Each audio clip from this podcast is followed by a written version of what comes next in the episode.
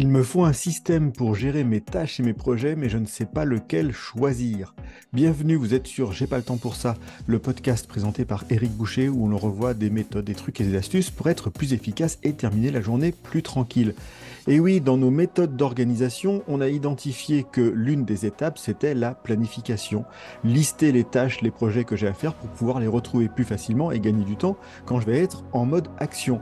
Mais comment choisir parmi la pléthore d'outils de gestion de projet C'est sans doute la catégorie des outils logiciels la mieux représentée.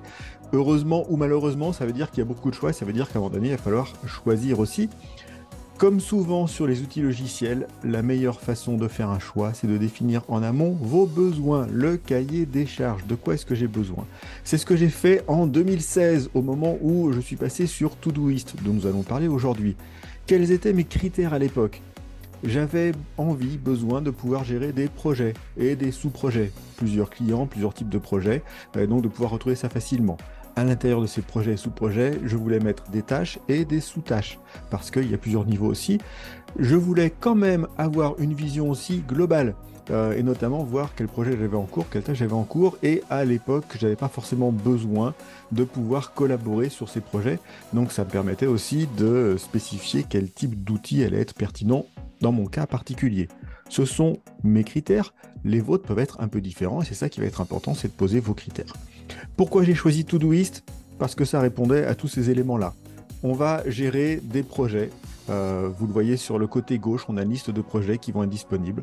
Donc ça, ça va marcher assez bien et je peux derrière définir des sous-projets aussi à l'intérieur de chacun de ces projets. Mes tâches peuvent contenir des sous-tâches, donc je peux aussi segmenter. C'est aussi l'une des techniques quand la tâche est trop complexe, couper-la en petits morceaux. Donc je peux segmenter mes éléments pour avoir des choses plus facilement gérables.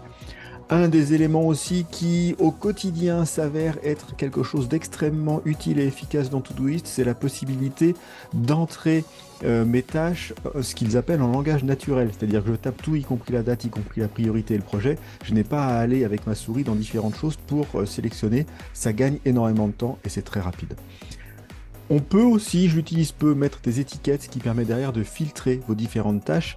Euh, c'est quelque chose qu'un certain nombre de personnes utilisent beaucoup et vous avez ici bah, trois exemples, le type d'étiquette, niveau d'énergie, le type de projet ou le temps que ça peut prendre. Comme ça, vous allez pouvoir filtrer et choisir les tâches que vous faites.